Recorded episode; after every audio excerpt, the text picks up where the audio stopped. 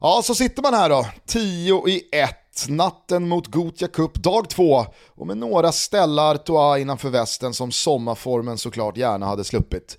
Men så blir det ibland när Göteborgshimlen spricker upp, matcherna på Heden spelats färdigt och allsvenskan bjuder till med två matcher av högoktanigt värde och intresse i goda vänners lag på gläns. Ett knappt Rory Delap-inkast från Nya Ullevi samtidigt som knappt 60 000 kids från världens alla hörn beskådade någon form av jonglör och halvdan invigningsakrobatik.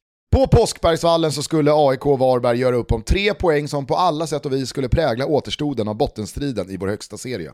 Grönsvart skulle gå för andra raka och en tydlig demonstration om att det existerar ångerrätt gällande köpet av superettan-biljetten. Och svartgult, för kvällen i vitt, skulle tydliggöra att den norska ledningsinjektionen med Anton Saletros tillbaka i Solna-laget definitivt fått effekt på tränarskiftet.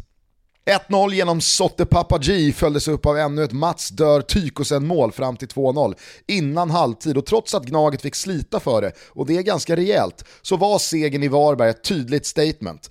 AIK blickar uppåt i tabellen, inte mot någon jävla degradering.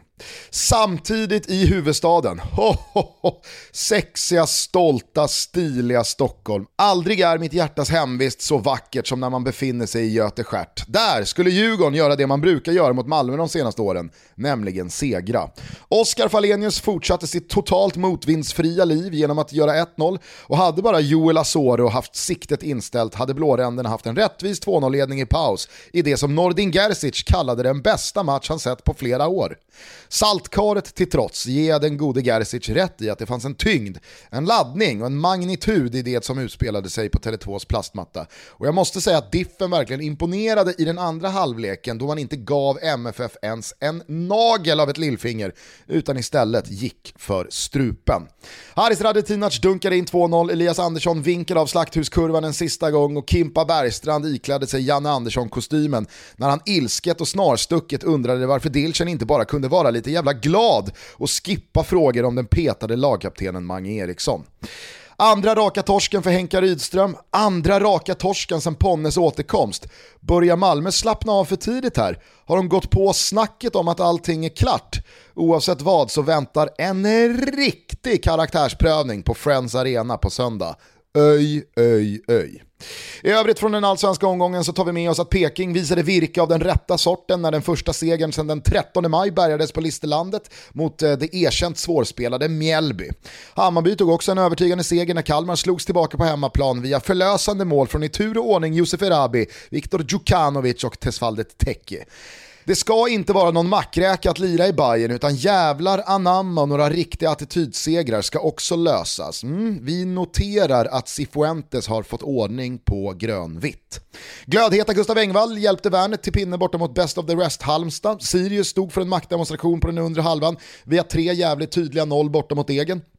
Och Häcken kunde efter mycket möda och ännu mer besvär segra mot BP då lättja, hybris och nonchalans återigen höll på att kosta de regerande mästarna ytterst välbehövliga poäng.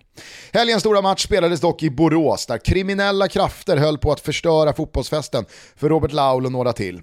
För alla oss andra så bjöd Gulliganerna och de tappra, älskvärda, ditresta Göteborgssupporterna på en inramning väldigt värdig ett rivalmöte av Elfsborg Blåvitt kaliber.